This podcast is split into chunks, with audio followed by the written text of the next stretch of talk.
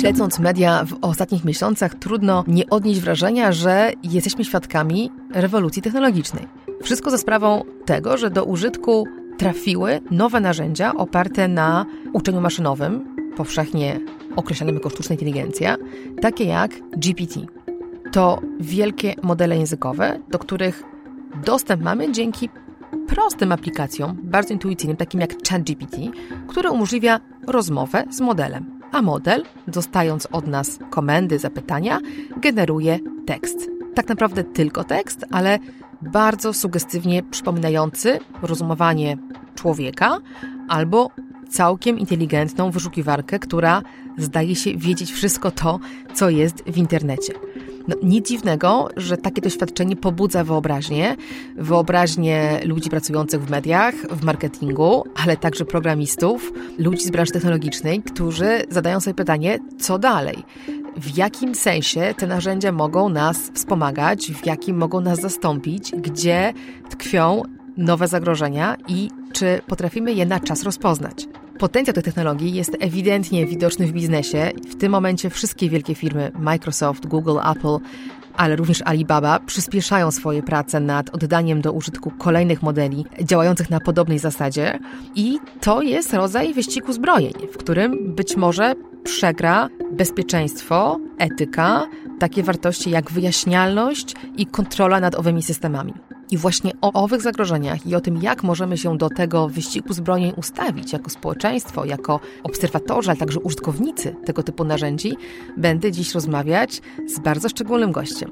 Przy mikrofonie Katarzyna Szymilewicz. Witam Was w podcaście Panoptyką 4.0 i zapraszam na spotkanie z Tomaszem Odrzyguździem, doktorem Polskiej Akademii Nauk, naukowcem Ideas NCBR, człowiekiem, który zna się na modelach uczenia maszynowego, ponieważ sam je tworzy, zagląda do środka i bada m.in. możliwości dużych modeli językowych.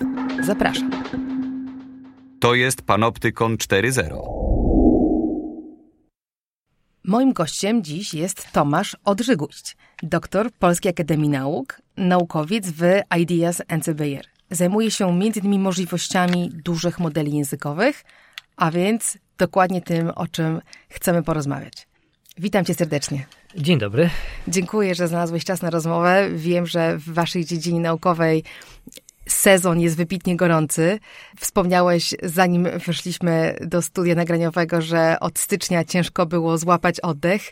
Co się dzieje? Tak naprawdę e, to, co się dzieje, to jest to, że bardzo dużo jest nowości w naszej branży. Pojawiają się bardzo często nowe rozwiązania, nowe pomysły, e, nowe modele w szczególności. I był taki moment, e, to już było po premierze ChatGPT, kiedy no, in, inne firmy czy inne grupy badawcze poczuły, że też muszą e, zostawić swój ślad w tym gorącym temacie i zaczęli produkować swoje modele albo jakieś swoje algorytmy oparte o te modele. I nasze projekty, które robiliśmy w, w pracy, też były związane z tematami dużych modeli językowych. No i musieliśmy być na bieżąco z tym, co się dzieje, żeby nasze badania e, były aktualne. I to nadążanie za nowymi trendami, czy nowymi rozwiązaniami technologicznymi, albo nowymi odkryciami, samo to nadążanie kosztowało nas bardzo dużo wysiłku i była to bardzo spora część naszej pracy. Dla kogoś, kto nie siedzi w tym naukowo, ale widzi w nagłówkach e, mediów co chwilę przywijające się nowe skróty, takie jak GPT, czy konkretnie ChatGPT, jego aplikacja umożliwiająca korzystanie z tego dużego modelu językowego, to można mieć poczucie, że coś się przełamało, że jakiś nowy próg w badaniach nad e, sztuczną inteligencją został przekroczony i naprawdę idzie nowy. Czy wy tak to widzicie, czy to jest zupełnie inna perspektywa? Powiedziałbym, że zdecydowanie tak. E, ten przełom nastąpił trochę wcześniej niż sam moment premiery czatu GPT. Mogę powiedzieć, jak to wygląda od strony naukowej. O strony naukowej e, głównym przełomem to było odkrycie architektury Transformer.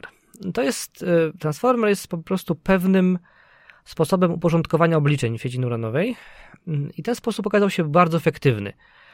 Główną zaletą Transformera jest to, że bardzo wydajnie wykorzystuje moc obliczeniową komputera, przez to trening e, może być dłuższy, skuteczniejszy i może przetworzyć więcej danych. To może zatrzymajmy się przy samym treningu, bo to nie musi być oczywiste dla słuchających nas. Trening modelu, czyli co? Co się staje efektywniejsze i skuteczniejsze? Mhm.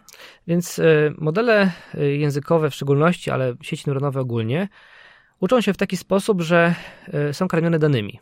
Mamy zbiór danych, w którym są odpowiednie dane wejściowe i wyjściowe. Model uczy się przewidywać dane wyjściowe z danych wejściowych. Pod spodem w ramach tego treningu dzieje się bardzo wiele procesów. Model uczy się rozpoznawać pewne wzorce, uczy się wyciągać wnioski, uogólniać. Tylko tych procesów my nie kontrolujemy przeważnie. To jest e, trening wygląda w taki sposób, że my dostarczamy dane, ustawiamy parametry trenowania takiego modelu, czyli jaką ma dostępną moc obliczeniową, w jaki sposób e, ma być model karany bądź nagradzany za swoje predykcje. I, I, to, co taka sieć robi, to stara się przewidzieć dane wyjściowe, potem porównuje swój wynik z poprawną odpowiedzią i stara się skorygować błędy. I ta korekcja błędów przekłada się na pewne poprawki do parametrów modelu, które są wyliczane na bieżąco. Czyli sam się koryguje w pewnym tak, sensie tak, model. Tak. Treningi modeli są w pewnym sensie automatyczne pod, pod tym kątem, że korekcja błędów zachodzi y, wewnątrz sieci. My nie mówimy modelowi, jak ma się poprawić. My tylko mówimy, co miało wyjść przy danym wejściu. I model sam patrzy na tą różnicę i stara się skorygować. Natomiast no, ten proces jest kosztowny liczeniowo, dlatego że y, sieci neuronowe przeważnie mają dużo parametrów. Tutaj, żeby dać jakąś taką skalę, no to powiem, że modele typu mm, GPT mają zbiór parametrów liczony w miliardach czy nawet setkach miliardów. To są bardzo duże ilości parametrów, które ma taki model. Teraz te parametry muszą się wszystkie korygować na bieżąco w czasie treningu. Więc te obliczenia są bardzo drogie przez to też. No i transformer, e, który teraz dominuje w badaniach naukowych, jest siecią, która robi to po prostu dużo wydajniej niż poprzednie pomysły. No i dzięki temu w ogóle jest możliwe trenowanie modeli na tak wielką skalę z taką dużą ilością danych jak obecnie. A, a ten system mm, Transformer jest dostępny badaczom na zasadzie otwartej? Każdy tak, może z nim tak. eksperymentować? Transformera wymyślono w Google w roku 2017 albo 2016, przełom mniej więcej tego okresu. E, I wtedy e, został opublikowany jako publikacja naukowa. Było powiedziane, jak go zbudować, e, w jaki sposób należy go trenować. I wszyscy badacze wiedzą, jak Transformer działa i jak go stworzyć. No i to też był właśnie początek tej rewolucji. Od momentu opublikowania tej pracy okazało się, że Transformer świetnie sobie radzi z tym zadaniem tłumaczenia maszynowego. Tłumaczenie y, okazało się bardzo sprawne na Transformerze. E, zostało bardzo szybko zaaplikowane do różnych popularnych stron, które tłumaczą. I to był początek tej rewolucji. Później było tak, że firma OpenAI. No właśnie, e, dlaczego oni? Bo to mnie tak, tak. intryguje. Tak. Dlaczego nie ci najwięksi? Wspomniałeś Google. Skoro to oni wymyślali te rozwiązania, choćby ten system, tak. który był tak przełomowy, dlaczego OpenAI ja nagle chciałem tylko jeszcze powiedzieć z takiej perspektywy, że naukowcy y, sobie zmieniają miejsca pracy. I to jest tak, że naukowcy, którzy pracują w Google, potrafią przejść do innej firmy, na przykład do OpenAI albo odwrotnie. I tak naprawdę te pomysły są bardziej związane z ludźmi niż z firmami. Same pomysły mówię. A to pocieszające. Y, oczywiście no, technologia już należy zwykle do jakiejś firmy. Czy technologia, czy sama, sam sprzęt, albo, albo architektura inżynier, ta taka inżynierska. A teraz jeszcze wracając do tematu rewolucji technologicznej i naukowej. Więc Transformer był pomysłem otwartym, rzuconym przez Google. Później było tak, że w OpenAI robiono badania nad tym, co się dzieje, kiedy zwiększamy te modele. No bo większy model e, wydaje się na pierwszy, na pierwszy rzut oka, że będzie lepszy. Z tego powodu, że większy model ma więcej parametrów, co, co oznacza, że jest w stanie zapamiętać więcej, jest w stanie więcej wyrazić też przez to. Tu musiałbym wejść w szczegóły, jak taki model działa w środku, ale... I to może za chwilę. Tak. Natomiast y, no jest to w miarę intuicyjne, że jeżeli mamy więcej parametrów i większy model, no to on jest w stanie więcej zapamiętać, czy też więcej się nauczyć. Czyli na przykład mniejszy model mógłby obsłużyć tylko prostą rozmowę, a większy model skomplikowaną rozmowę? Zwykle tak to wygląda, tak. tak. oczywiście tutaj są pewne potencjalnie jeszcze jakieś możliwe odkrycia. Być może istnieją małe modele, które będą skuteczne. Nie jest to wcale wykluczone. Stan na dzisiaj jest taki, że małe modele są słabsze, to znaczy radzą sobie z prostszymi zadaniami. Przy jakichś takich skomplikowanych zadaniach, na przykład, które wymagają rozumowania albo wyciągania wniosków, większe modele radzą sobie lepiej. A czy mógłbyś dorzucić przykłady innych zadań? Bo wszyscy dzięki e, temu poruszeniu w debacie publicznej kojarzymy, że GPT się sprawdza jako wyszukiwarka specyficzna, być może nawet jako rodzaj no, publikacji takiej dynamicznej, która działa tak, jak sobie życzymy, publikuje nam rozmaite e, teksty, daje efekty. E, znamy samą funkcję czatu, e, z którym możemy sobie wejść w interakcję, ale gdzie takie rozumowanie jeszcze można by zastosować i uświadomić sobie, co te modele potrafią? No, teraz trwa e, wiele eksperymentów, które mają sprawdzić możliwości takich modeli. Między innymi my takie eksperymenty robimy e, w naszej pracy badawczej. Tak naprawdę e, podstawową funkcją modelu językowego jest generowanie tekstu. Taki model jest uczony dokładnie tego, żeby przewidzieć kolejne słowo, które będzie pasowało do kontekstu. I to jest jedyne, co ten model potrafi robić tak naprawdę. I okazuje się, że taki, można powiedzieć, taki prosty cel modelu, który polega tylko na tym, żeby odgadnąć kolejne słowo, taki prosty cel wystarcza, żeby model był w stanie robić bardziej skomplikowane rzeczy. Oczywiście, tak jak tutaj było powiedziane, e, zagadnienie czatowania e, czy wnioskowania to są takie naturalne, które można stosować w czacie GPT, ale oprócz tego są eksperymenty, które mają sprawdzić, co się stanie, jeśli taki model dostanie nowe narzędzia. Bo w tym momencie model, e, ten chat GPT nie jest w stanie niczego zrobić poza tekstem. Znaczy, w takiej wersji oczywiście bazowej, no on po prostu pisze do nas tekst. Ale co gdybym mógł na przykład wejść do internetu, na przykład coś kupić?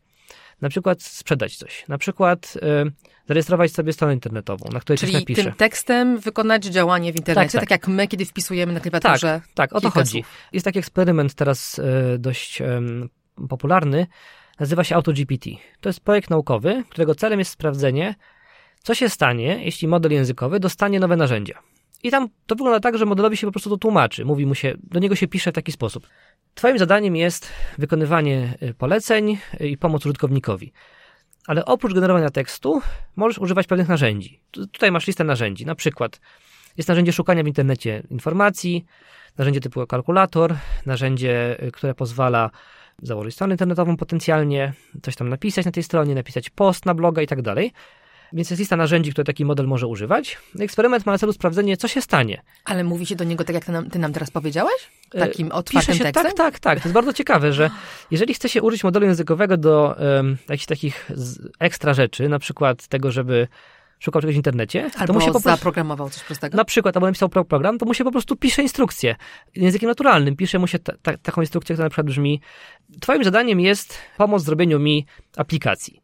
Chciałbym, żeby aplikacja miała takie, takie funkcje, korzystała z takich, takich bibliotek, z takich narzędzi i proszę, pomóż mi tę aplikację zaprojektować, napisz kod, sprawdź ten kod, jeżeli są błędy, to popraw i tak dalej. I nie muszę dawać mu e, bezpośredniego linka do tych narzędzi, on sobie je znajdzie. E, czy różnie, no jeżeli narzędzia są bardzo, powiedzmy, nowe, e, są późniejsze niż moment, kiedy ten model był trenowany, no to trzeba podać linka. Jeżeli te narzędzia są bardzo znane, są to powszechnie używane narzędzia, no to ten model powinien to wiedzieć i powinien sam umieć ich używać. To, co jest ciekawe bardzo, to, że taki model jest w stanie na przykład napisać kod, uruchomić taki kod. Jeżeli są błędy, to te błędy odczytać, zrozumieć i poprawić kod. I to się dzieje to automatycznie. Nie wymaga to ingerencji człowieka w tym etapie korekcji. No, ogłoszenie tego w mediach spowodowało e, taką natychmiastową reakcję ludzi. O, czyli programiści są jednak tymi pierwszymi do zastąpienia. Tak, czy, e, czy, taka też była reakcja w waszej branży? No, ja tu muszę powiedzieć, że e, gdzieś widziałem taki, taki komentarz, który jest dość uderzający, że wszyscy się spodziewaliśmy, że AI zastąpi ludzi w takich pracach dość powtarzalnych i potrzebnych oczywiście, ale powtarzalnych i prostych. I też ciężkich fizycznie. No właśnie, e... myślenie było robotem, prawda? Tak, tak, tak naprawdę, było takie, nie myślenie było takie, Tak, myślenie było takie, że takie ciężkie, ciężkie bardzo i trudne prace fizyczne zostaną jako pierwsze zautomatyzowane. E, natomiast okazuje się, że praca kreatywna tutaj jest jednym z pierwszych rzeczy, którym, do których wchodzą te modele i pomagają nam. Natomiast jeśli bym miał wyrazić zdanie, czy programiści są niepotrzebni, to powiedziałbym, że zdecydowanie nie w tym momencie te narzędzia jak ChatGPT albo są też inne narzędzia pokrewne, które na przykład piszą kod.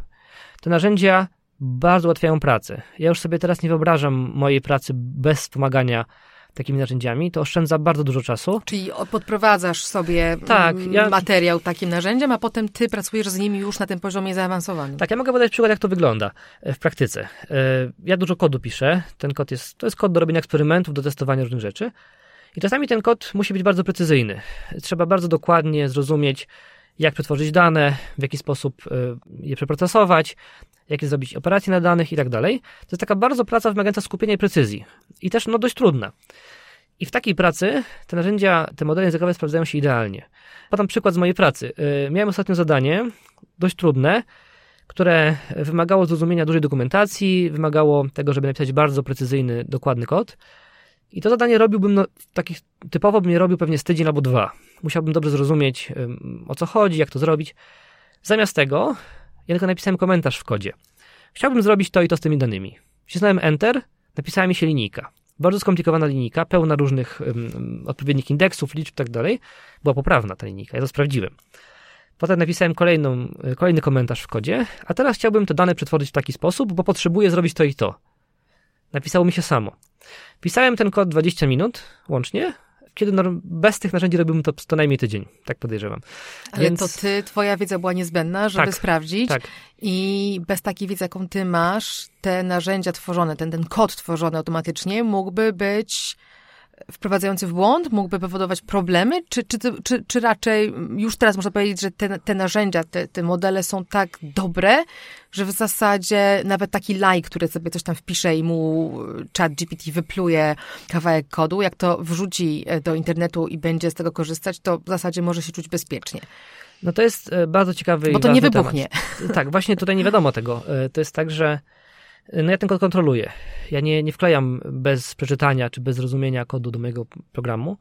E, to, co wyjdzie z takiego modelu, zawsze czytam i sprawdzam, czy to jest to, co ja chciałem, żeby wyszło. I tutaj e, w tym procesie niezbędna jest wiedza e, programistyczna, żeby zrozumieć, co ten kod robi. Też miałem taką refleksję ostatnio, że gdybym nie potrafił programować, to byłoby mi bardzo trudno pracować z tym narzędziem. Takie polecenie nawet mu wydać, prawda, żeby tak, on zrozumiał. Tak, też dzięki temu, że y, no, dzięki temu, że potrafię programować, to jestem w stanie opisać precyzyjnie, co bym chciał uzyskać. I nawet samo opisanie komentarza, którym tłumaczę, co się ma stać, jest dużo łatwiejsze, jeśli się potrafi programować.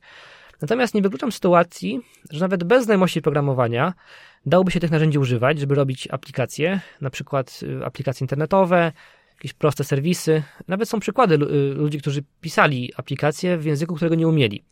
Nawet mój kolega to zrobił. E, napisał, e, poprosił czata GPT, żeby napisał mu kod, który odtworzy grę Pong. To jest taka bardzo klasyczna gra z lat chyba 80. albo jeszcze starsza i się odbija piłeczkę.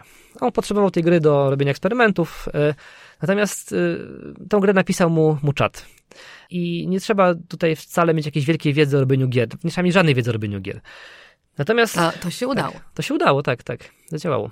Jest wiele przykładów, kiedy te narzędzia robiły bardzo mm, fajne rzeczy dla ludzi, nawet jeśli ci ludzie nie do końca umieli tę technologię.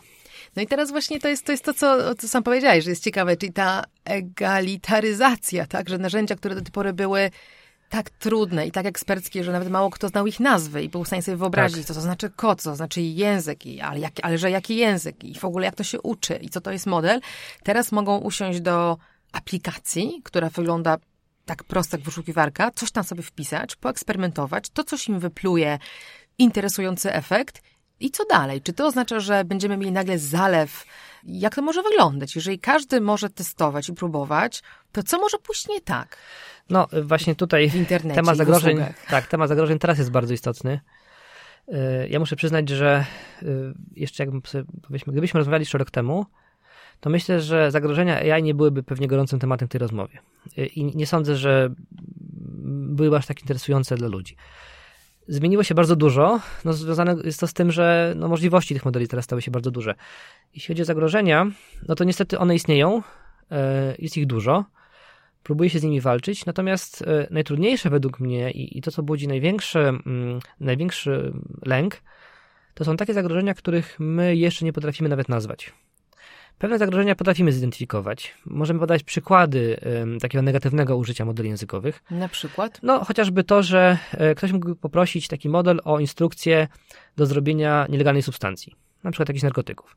Ktoś mógłby poprosić chat GPT o napisanie kodu, który będzie na przykład oszukiwał ludzi. Na przykład będzie do nich dzwonił, proponował jakieś, powiedzmy, przelanie pieniędzy czy coś takiego. Można automatyzować proces na przykład oszukiwania potencjalnie. Yy, można to już nie dzwoni wnuczek, tylko dzwoni czat. Tak, tak. I gada. Co więcej, są teraz jeszcze narzędzia, które potrafią generować czyjś głos. No właśnie. E, to, to jest bardzo niebezpieczne, bo tego można używać w sposób bardzo negatywny. Przykładów jest tutaj wiele. E, więc zagrożenia rosną. E, Oczywiście media, prawda? Czyli to, od czego chyba zaczęło się rozumienie konsekwencji, a więc dezinformacja, produkowanie treści, które Oczywiście. są bardzo tak. sugestywne, przekształcają obraz w sposób, który no, nie wyłapuje go ludzkie tak, oko, że tak. jest przekształcony i potrzebujemy jakoś się w tym tym połapać. Tak, to, to tutaj um, jest znane pod nazwą deepfake. Deepfake to jest cały ten zbiór metod i technik, które pozwalają e, generować e, rzeczy, które nie istnieją, albo że są nieprawdziwe, ale wyglądają realistycznie. I to są zagrożenia takie, które bym określił jako zagrożenia krótkoterminowe, czy takie, które już... Rozpoznane. tak, już rozpoznane, które widzimy. One są bardzo poważne i nie jest prawdą, że umiemy sobie z nimi radzić, ale przynajmniej wiemy, co nam grozi, w tym, jeśli chodzi o te tematy i wiemy, jakie mogą być skutki. Przynajmniej no, częściowo teraz wiemy. widziałam tak? kilka eksperymentów, bo widzę, że, że dziennikarze też się rzucili na ten temat. To jest łakomy kąsek, y, obchodzenie zabezpieczeń, które pojawiły tak. się jako pierwsze, czyli dałeś przykład y, przepisu na narkotyki, przepisu na bombę i tak dalej, i tak dalej. Oczywiście ChatGPT nie da go wprost, tak. ale jak zapytamy go odwrotnie. Dokładnie tak jest. Y, czyli jakby przez zaprzeczenie go zapytamy, czego nie mogę zrobić, Dokładnie jeżeli tak zajmuję się tak, substancjami tak, tak, chemicznymi, żeby nie naruszyć prawa, to odpowie. Tak, zgadza się. Oczywiście no, ten konkretny przypadek będzie pewnie naprawiony, y, ale ludzie wymyślą inne sposoby, jak obchodzić zabezpieczenia. Jednak nadal nasza inteligencja troszkę tutaj wygrywa. Tak, tak, oczywiście. Y, ale to są zagrożenia, które, które są y, już nazwane przynajmniej. A jeszcze jest coś, cały, cała gałąź zagrożeń, które są nienazwane. Nie wiemy w ogóle, co tam może być w tym obszarze. Ja mogę wskazać dwa przykłady ym, potencjalne. A jednak. Yy, tak, tak. Znaczy, no, Co, coś znaczy, tam. To, to, są bardzo ogólne kwestie. Znaczy, jest taka kwestia, że zagrożeniem może być inteligencja większa niż ludzka, oczywiście automatyczna, większa niż ludzka, która byłaby w rękach złych ludzi. To jest bardzo y, scenariusz, oczywiście groźny, prawda? I, i nie jest wykluczony. A, albo drugi, drugi przykład to może być y, inteligencja większa od ludzkiej, której nikt nie może kontrolować która sama, sama siebie... się kontroluje, tak, i, i, jest już, nie mamy na nią wpływu. Wtedy... Czy to jest ta osobliwość, o której mówi się od, od lat tak. w świecie na styku chyba humanistyki i technologii, bo to są takie fantazje, mhm. mam poczucie niekoniecznie naukowe. E, może wprowadzimy to pojęcie osobliwości w takim razie? Znaczy, ja nie jestem ekspertem od tematu osobliwości, ale to, jak o tym się mówi w branży naukowej, no to jest, to chodzi o sytuację, w której sztuczna inteligencja zaczyna sama siebie rozwijać w sposób coraz szybszy, i my tracimy kontrolę nad tym, co się dzieje w takim procesie. Czyli ona sama sobie wymyśla te zadania, których ty dałeś przykład. Ona tak. już nie czeka, aż ktoś jej powie, tak. napisz kod, tylko pisze go, eksperymentuje i w związku z tym Tak, między tworzy... innymi. Można na przykład zrobić sama swoją kopię, ale silniejszą, mądrzejszą. Ta kopia może zrobić jeszcze mądrzejszą kopię. Nie wiemy dokładnie, jak taki proces miałby wyglądać, bo nigdy taki proces nie zaistniał jeszcze. No ale można sobie wyobrazić, że takie zjawisko mogłoby mieć miejsce, e, co byłoby, co byłoby już czymś zupełnie nowym, i nie mamy pojęcia, jakie byłyby konsekwencje takiego zdarzenia. A po czym byśmy poznali, że taki model e, jak GPT, który teraz e, wyobrażam sobie czeka na polecenia, czyli sam z siebie nie działa, nagle zacząłby działać. Czy to jest technologicznie, nawet nie, umiem, nie umiem o to zapytać ciebie precyzyjnie, ale chyba wiesz, do czego zmierzam. Czy my to zobaczymy, czy ten kod musiałby się, stać, ten model musiałby być przebudowany w celu takiego skoku mhm. kolejnego, czy hipotetycznie ten skok mógłby się dokonać w tym, co dzisiaj już znaczy ja jest. powiem tak, no pewne rzeczy nie są jawne przede wszystkim. E, my na przykład nie wiemy dokładnie, jak działają najnowsze modele do OpenAI. E, możemy ich używać, ale nie wiemy, jak są zbudowane. E, te rzeczy są niejawne.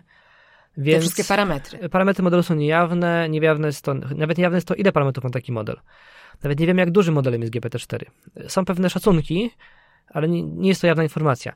Więc jeśli chodzi o te modele, które są dostępne dla ludzi, no to one same z siebie nie będą siebie zmieniały, czy w obecnym kształcie, no bo, e, bo model jest po prostu tak naprawdę taką maszynką, w której wchodzi tekst, wychodzi tekst, albo jakieś inne dane mogą też wchodzić, typu obrazy czy dźwięki. I ta maszynka nie myśli, tylko zgaduje, prawda, ona szacuje prawdopodobieństwo, tak. więc nie ma żadnego mechanizmu, który przypominałby inteligencję to znaczy, ludzką, mhm. ale jest to mechanizm zgadywania w oparciu o olbrzymi zasób. E, tak, no jeśli chodzi tutaj o ten temat, o pytanie o inteligencję, no to, e, to nie jest pytanie do mnie, bo to bardziej jest pytanie do osób, które znają się na temacie inteligencji, być może do filozofów, być może pytanie do, do biologów. Nie jestem w stanie powiedzieć, czy to jest inteligentny proces, czy nie, bo nie do końca wiemy, co się dzieje pod spodem. Znaczy, my rozumiemy, jak ta sieć jest zbudowana i jak wykonują się obliczenia, ale nie rozumiemy znaczenia poszczególnych liczb w tym procesie. Natomiast y, stan obecny, jeśli chodzi o te modele, które są dostępne dla ludzi, które można pobrać i, na nich robić eksperymenty, to stan jest taki, że te modele w tym momencie same siebie nie poprawiają, nie, nie trenują siebie same. Trenowanie modeli, tych, które są otwarte, to jest proces, który człowiek musi uruchomić. Przygotować dane, zaplanować taki trening modelu i go uruchomić w szczególności. Ale nie jest wcale wykluczone, że gdzieś na świecie już są algorytmy napisane, które działają w takiej pętli, że model jest w stanie sam siebie zewaluować, zobaczyć, jak jest skuteczny, zobaczyć, gdzie na przykład, gdzie nie jest skuteczny, w jakich problemach sobie nie radzi. Takie dane sobie pobrać z internetu, zrobić sobie sam dla siebie zbiór danych, uruchomić trening i stać się mocniejszy. Być może ktoś już to robi. Ale ten E, ktoś musiałby to wybrać świadomie. To nie byłby przypadek, Z tego, tylko to byłaby decyzja projektanta. Tak, z tego, co, z tego co wiem, to tak, ale oczywiście no też ja nie wiem wszystkiego. Jeśli chodzi o, o te modele, z którymi miałem do czynienia i te modele, które właśnie można pobrać i uruchomić, to to musi być świadoma decyzja, żeby taką pętlę stworzyć. No i być może ktoś to już robi. To, to jest ciekawe, bo niedawno pojawiła się w debacie publicznej, e, trochę zamieszania wzbudził e, list e, takiego Future of Life Institute amerykańskiego, gdzie podpisali się pod nim i znani badacze i liderzy biznesu, tacy jak teraz we wszystkim głośny Elon Musk, którzy to właśnie wołają o moratorium, o taką przerwę w badaniach nad AI, obawiając się, myślę, takiego scenariusza. Czyli ktoś, i to wygląda na poważny głos, ma już takie obawy, ale czy jako badacz mm, sam myśli, że to chodzi, że właśnie można kupić czas, żeby teraz powiedzieć sobie globalnie, rzucić takie hasło do wszystkich. Słuchajcie, zatrzymajmy się, poczekajmy, niech teraz dogoni nas trochę regulacja albo choćby debata publiczna o tym, co my robimy, to to byłoby skuteczne? Ktoś by tego posłuchał? No to pewnie zależy od postawy ludzi. Ciężko mi powiedzieć, to jest pytanie bardziej może socjologiczne, jak ludzie by zareagowali na taką prośbę. Ale byłoby to sensowne? Taki Y, no- czas mógłby nam pozwolić coś wymyślić, czy raczej masz poczucie, że to za, tak szybko się wszystko dzieje, że i my i tak czy siak tego procesu prawem, to ja mogę powiedzieć jako prawniczka, że prawo tu i tak nie ma szansy nadążyć, więc y, szukam odpowiedzi na pytanie, skoro jest taki scenariusz możliwy, że ktoś już dzisiaj odpalił taki algorytm, który sam się y, koryguje i sam sobie zadania wymyśla, to co my możemy zrobić, jeżeli nas to niepokoi? Nie dowiemy się o tym, bo No, jest zamknięte. Nie zatrzymamy, bo nas nie posłuchają. Jest jakaś jeszcze możliwość? Ja tylko powiem tak, że y, żeby trenować gigantyczne modele, potrzeba ogromnej mocy obliczeniowej i potrzeba też ogromnych nakładów finansowych. To nie jest tak, że każdy może sobie wytrenować w, garażu. domu tak model wielkości GPT-4. To jest, może tak dla skali powiem, że koszty samego treningu, ko- koszt samego prądu do tego treningu to są miliony, miliony dolarów. Sam prąd tyle kosztuje, żeby taki model wytrenować. On się trenuje kilka miesięcy, prawdopodobnie, no my nie wiemy dokładnie ile, ale to jest, to jest długi czas na bardzo wielu maszynach. To są tysiące komputerów, które, takich potężnych komputerów, które używają bardzo dużo prądu. Sam koszt sprzętu to są już setki milionów, jeśli nie miliardy dolarów. Więc prawda jest taka, że gdyby ktoś chciał taki eksperyment zrobić, to trochę to ciężko ukryć. Mhm. No bo trzeba, trzeba zakupić y, dziesiątki tysięcy kart graficznych do obliczeń, mieć duże za- zasilanie też od wielkiej mocy. Oraz I- ludzi, tak, których, oraz którzy ludzi- się znają. Tak, tak. I trzeba mieć też specjalistów, którzy będą w stanie użyć tego sprzętu. Może stąd jest tutaj te, te, ten, w tym liście prośba o, o to, żeby zrobić to moratorium, bo jest taka nadzieja, że takich eksperymentów wielkich nie da się ukryć po prostu. Są też bardziej skrajne głosy. Ja muszę powiedzieć, że y, spotkałem się też z listem, który krytykował ten pierwotny list y, za to, że jest zbyt mało radykalny. Są głosy, które mówią, że należy nadzorować sprzedaż i, i w ogóle obrót kartami graficznymi. Trochę tak jak bronią. Trochę tak jak bronią, tak. Że należy to bardzo pilnie monitorować i, i, i należy wręcz dawać licencję na, na dużą moc obliczeniową. To jest bardzo skrajny głos. On nie, reprezentuje na pewno wszystkich naukowców, tylko podaje to jako, jako głos w debacie, tak? To przytaczam. Jeśli chodzi teraz jeszcze o, ten, o to moratorium, o to, które miałoby na pół roku wstrzymać trenowanie większych modeli niż GPT-4, tutaj główną motywacją tego listu jest to, że badania nad bezpieczeństwem są daleko w tyle za rozwojem modeli. Prawda jest taka, że badania nad bezpieczeństwem były zaniedbane bardzo mocno, ale Bezpieczeństwo, czyli co? Błędy? Co, czy takie E. scenariusze, o których mówiliśmy, błędy samego, e, samego kodu, samego modelu? To, że on zrobi coś źle? Czy właśnie zagrożenia związane z jego niewłaściwym nie, użyciem to w chodzi o zagrożenia przede wszystkim. Chodzi o zagrożenia. Znaczy, jeśli model się pomyli, na przykład napisze błędny kod, to to jest problem małej wagi. Można poprosić go drugi raz o to, żeby to zrobił. Więc jeśli chodzi o takie, oczywiście, no są pewne zastosowania gdzie to może być duży problem. Jeśli na powiedzmy to jest kod jakiś bardzo wrażliwy, czy jakiś bardzo kod o dużym znaczeniu, Kontroluje urządzenie Na medyczne. przykład, na przykład, tak. Ale y, no to jest jedna kategoria problemów, czyli że modele się mylą, ale drugą kategorią problemów, y, którą rozumiemy jako zagrożenie czy jako bezpieczeństwo, to są potencjalne użycia modeli w sposób niewłaściwy. Niezgodny z zamysłem tworzącym. No tak, tak no to nielegalny sposób na przykład, albo szkodliwy, y, czy, czy taki niebezpieczny wręcz dla, dla No wszystkich. właśnie, teraz Nobla temu, kto wymyśli, co znaczy szkodliwość w globalnej naszej wiosce, kiedy mamy tak różne normy prawne i kulturowe. To prawda, tak. Mhm. No natomiast znaczy myślę, ja myślę, że są pewne rzeczy, które są uniwersalnie, szkodli, uniwersalnie szkodliwe. No Robienie krzywdy ludziom, oszukiwanie na przykład, wyciąganie, wyłudzanie pieniędzy, tak? Ja- Jasne, że są różne normy w każdym kraju, ale są też rzeczy uniwersalnie szkodliwe, prawda? No i e, tu chciałbym jeszcze powiedzieć, że w tym liście, który był opublikowany, intencja była taka, żeby badania nad bezpieczeństwem miały czas dopasować się do nowych modeli. Mhm. No bo ta, ta dziedzina nie była w stanie badać modeli wielkości takich jak ChatGPT, bo ich po prostu nie było więc nie było czego badać. Czy nie tylko prawnicy mają kłopot, żeby nadążyć, również etycy Oczywiście. i ci od bezpieczeństwa technologii muszą biec za tymi, którzy wymyślają tak, nowe. Tak, tak. A byliby w stanie dobiec te pół roku do jakiegoś ciekawego miejsca? Ciężko powiedzieć. Hmm. Problemem tej dziedziny, która nazywa się AI Safety, czyli bezpieczeństwo AI, jest, problem jest to, że e, tam brakuje narzędzi. Brakuje narzędzi, w ogóle brakuje dobrych pytań, brakuje e, sposobu testowania modeli pod kątem bezpieczeństwa. My nawet nie wiemy jeszcze do końca, jak taki model sprawdzić, e, czy on jest bezpieczny, czy nie. Potrzeba czasu, żeby te narzędzia w ogóle stworzyć. No i tutaj główny problem jest taki, że możemy tworzyć narzędzia, czy tworzyć ewaluację modelu, to będzie powiedzmy potrwa parę miesięcy, a w tym czasie pojawi się pięć nowych modeli.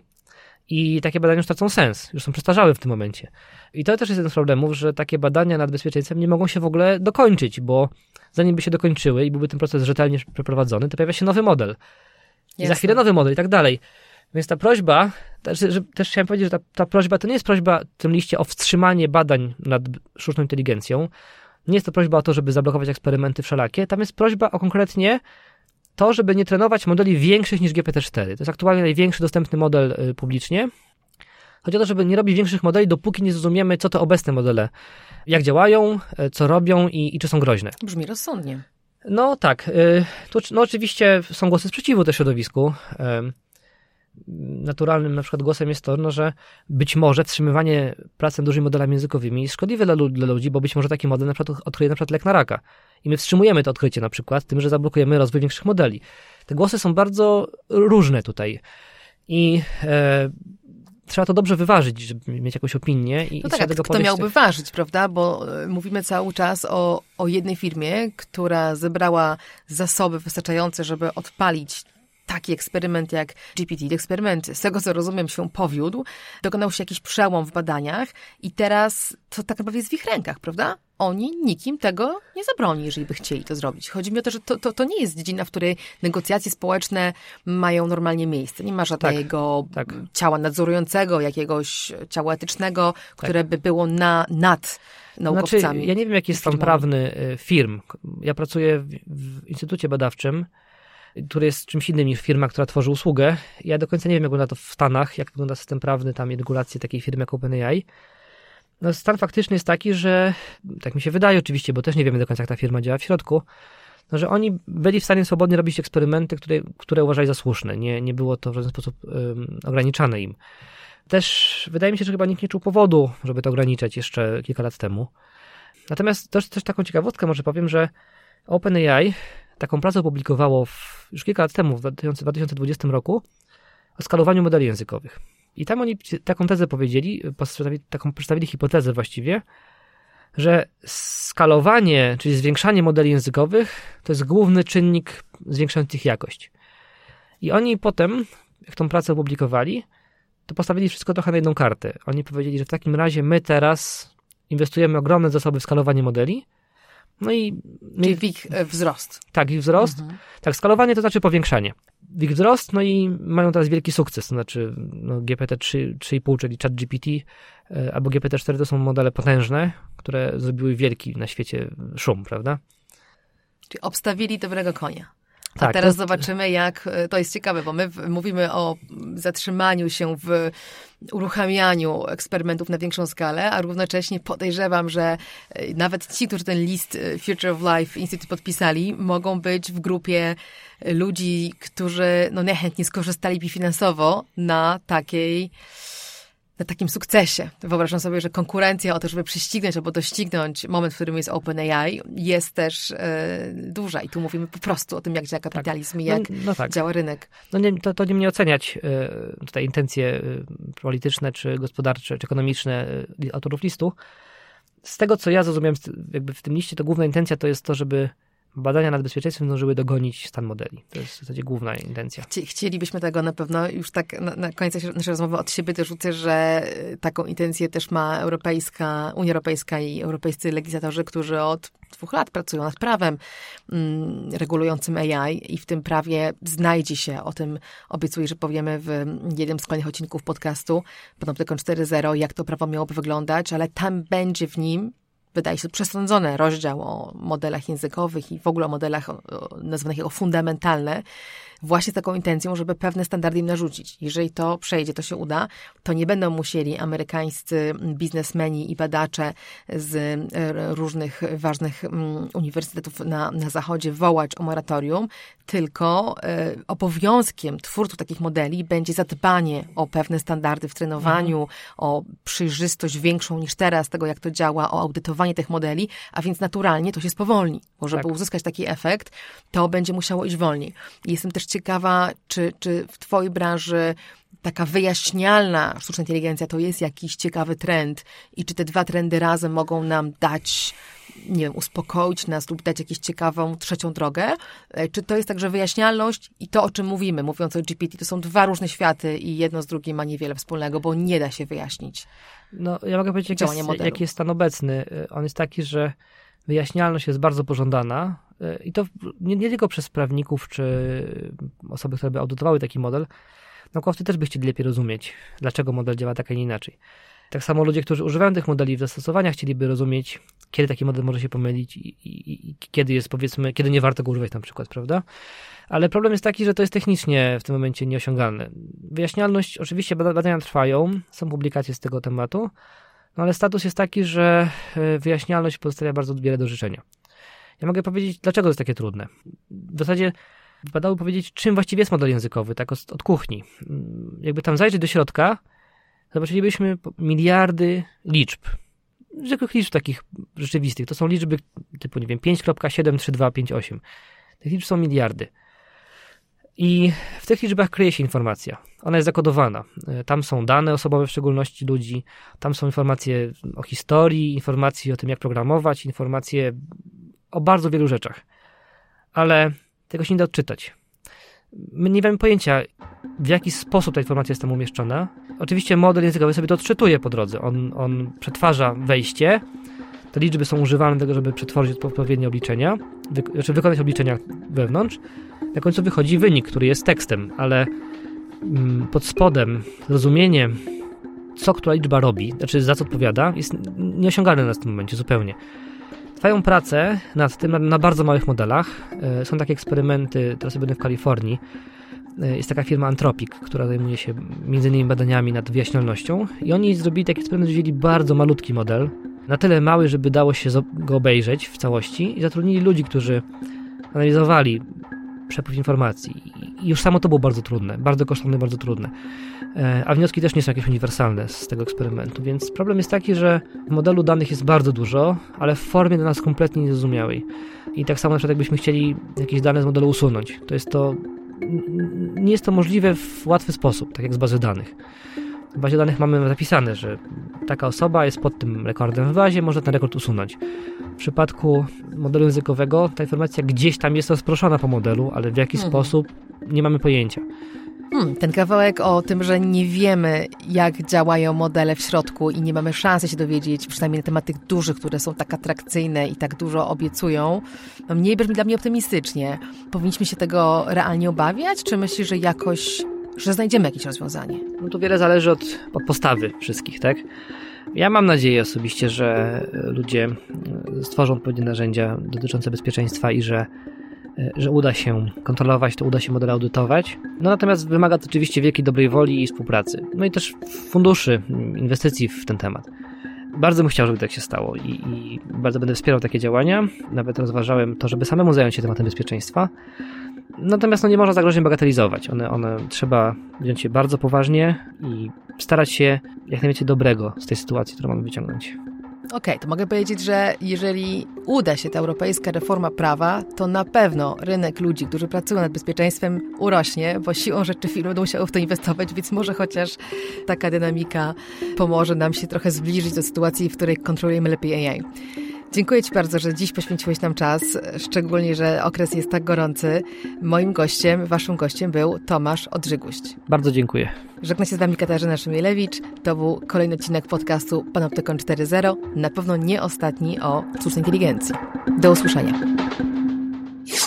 Panoptykon 4.0